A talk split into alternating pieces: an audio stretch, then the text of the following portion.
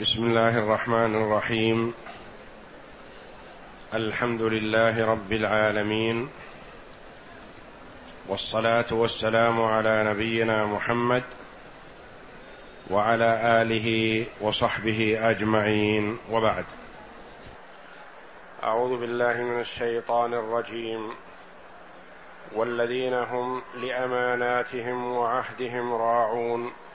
والذين هم على صلواتهم يحافظون أولئك هم الوارثون.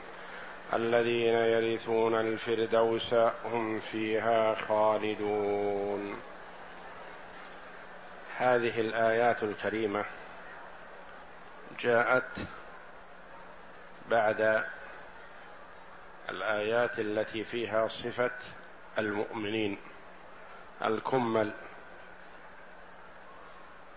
المفلحون الفائزون في الدنيا والآخرة.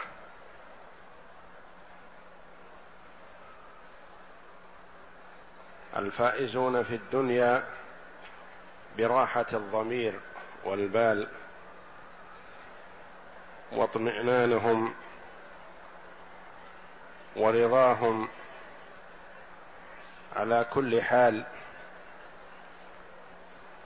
في السراء يحمدون الله جل وعلا ويشكرونه ويستعينون بنعم الله على طاعته.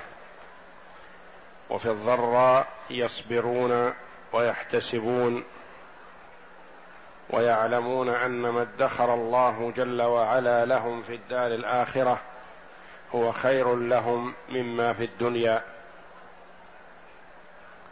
فالمؤمن في دنياه على خير في جميع أحواله في السراء والضراء.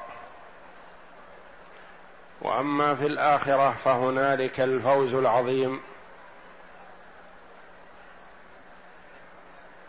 بدخول الجنات جنة الفردوس الأعلى. التي هي أعلى الجنان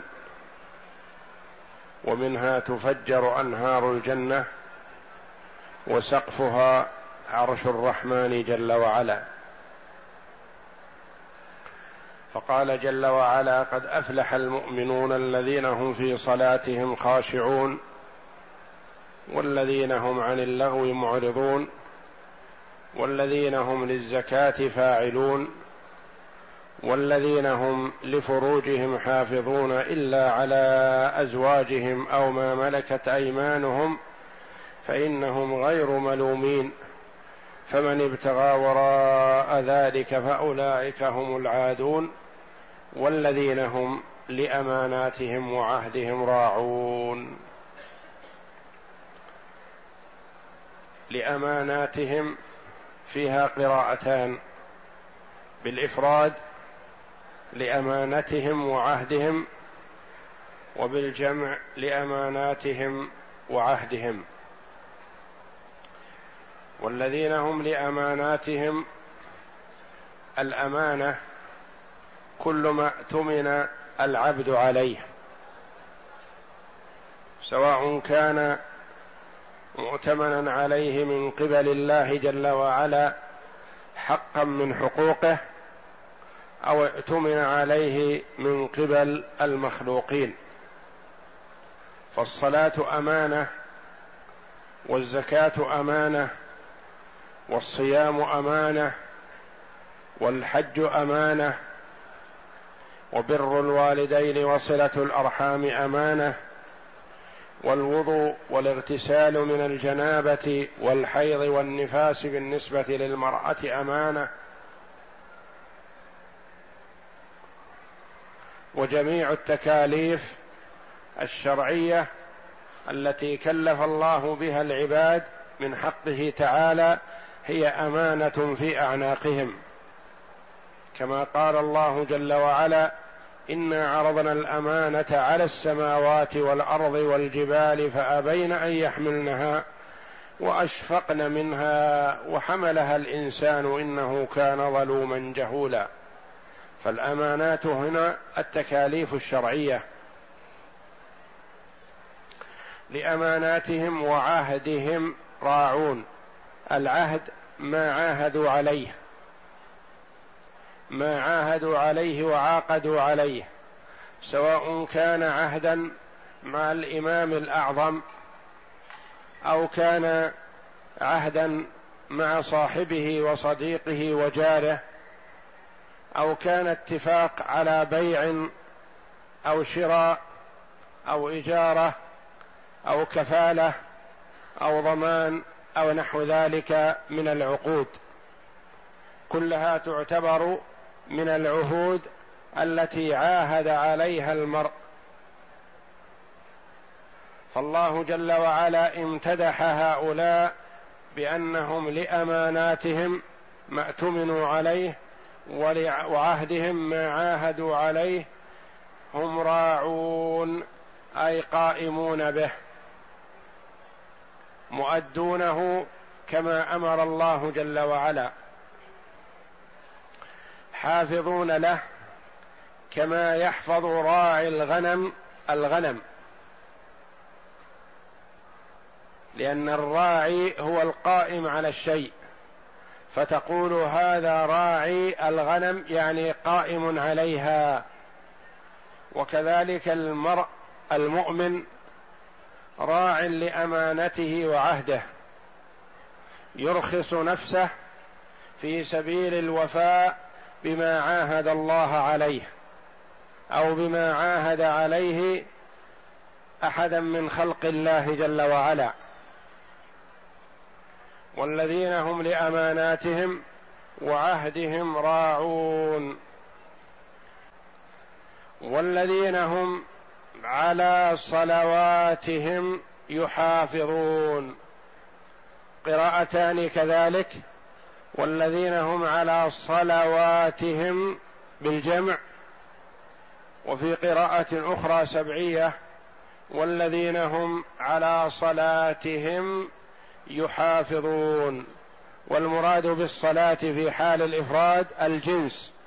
يعني يحافظون على جنس الصلاة وليس المراد صلاة صلاة وقت معينة.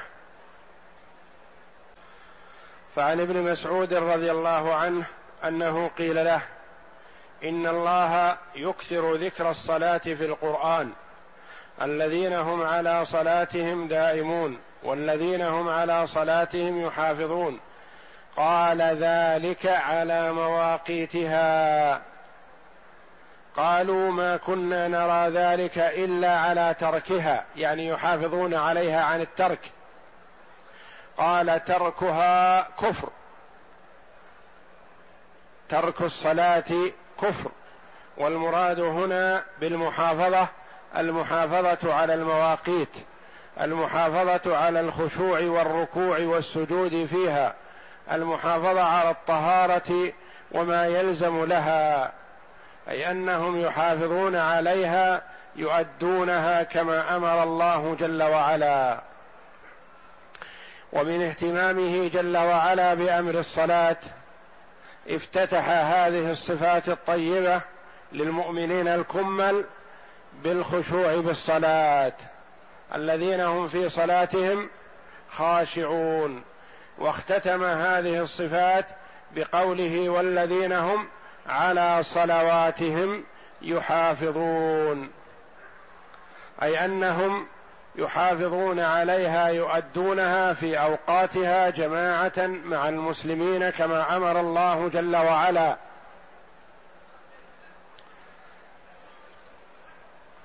ثم بين جل وعلا جزاءهم وثوابهم العظيم عنده كما بين رفعة منزلتهم فقال أولئك هم الوارثون. أولئك الإشارة للبعد والبعد هنا مرادا به علو المرتبة عند الله جل وعلا والله أعلم. أولئك هم الوارثون. ماذا يرثون؟ الذين يرثون الفردوس هم فيها خالدون. أي أن هؤلاء ميزهم الله جل وعلا بوراثة جنة الفردوس. فالجنة الجنة منازل متفاوتة عظيمة عند الله جل وعلا.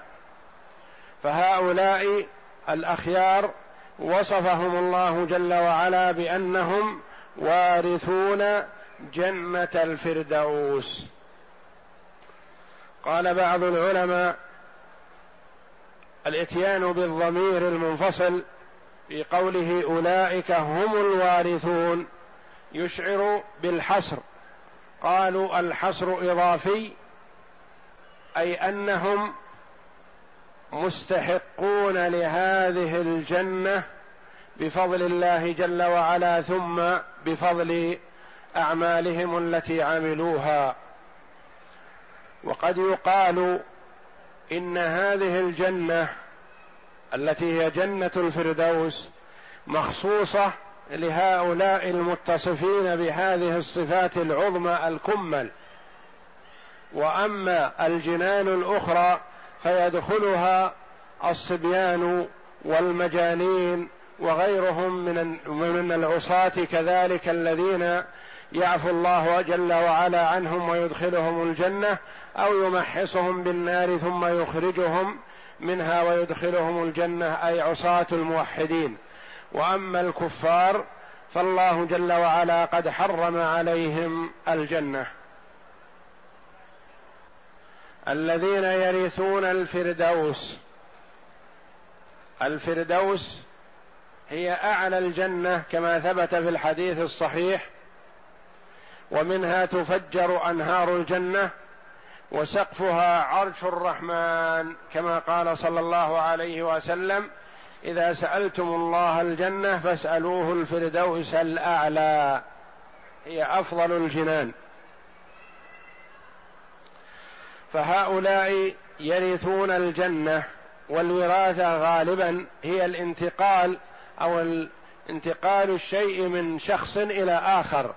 وهؤلاء يرثون منازل الكفار ومن لا يستحق دخول الجنة. لأنه ورد في الحديث الصحيح أن لكل واحد منزلة في الجنة ومنزلة في النار. فإذا كان المرء من أهل النار ودخل النار ورث أهل الجنة منزله التي أعدها الله له في الجنة. وأولئك أهل النار والعياذ بالله يأخذون منازل الآخر منازل أهل الجنة في النار.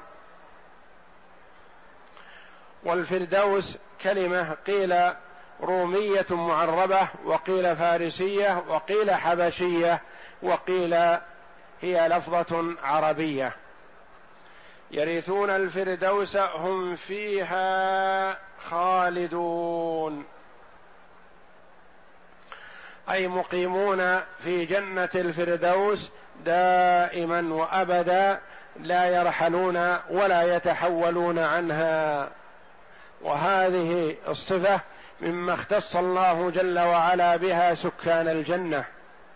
وذلك أن المرء في الدنيا مهما أعطي من النعيم فيها مهما أعطي من متاع الدنيا مهما ميز على غيره بأشياء فإنه إما منزوعة منه حال حياته وإما ينزع عنها في مماته فينتقل عنها ويتركها. وأما دار الخلد دار الجنة فإن أهلها مقيمون فيها دائما وابدا. ويجدد الله جل وعلا لهم النعيم باستمرار كما يجدد العذاب والعياذ بالله لأهل النار. وأخرج الترمذي وعبد بن حميد عن أنس فذكر ما سبق وقال إن النبي صلى الله عليه وسلم قال الفردوس ربوة الجنة وأوسطها وأفضلها. ويدل على الوراثة المذكورة هذه قوله جل وعلا تلك الجنة التي نورث من عبادنا من كان تقيا. وقال جل وعلا تلكم الجنة أورثتموها بما كنتم تعملون. وفي صحيح مسلم عن أبي موسى عن النبي صلى الله عليه وسلم قال يجيء يوم القيامة ناس من المسلمين بذنوب أمثال الجبال فيغفرها الله لهم ويضعها على اليهود والنصارى. وفي لفظ له قال رسول الله صلى الله عليه وسلم إذا كان يوم القيامة دفع الله إلى كل مسلم يهوديا أو نصرانيا فيقول هذا فكاكك من النار. وذلك أن اليهود والنصارى مستحقون لدخول النار بكفرهم بالله وكفرهم برسوله محمد صلى الله عليه وسلم كما قال صلى الله عليه وسلم في الحديث الصحيح والله لا يسمع بي يهودي ولا نصراني ثم لا يؤمن بي إلا كان من أهل النار. هم فيها خالدون أي مقيمون فيها دائما وابدا. والله أعلم وصلى الله وسلم وبارك على عبده ورسول نبينا محمد وعلى آله وصحبه أجمعين.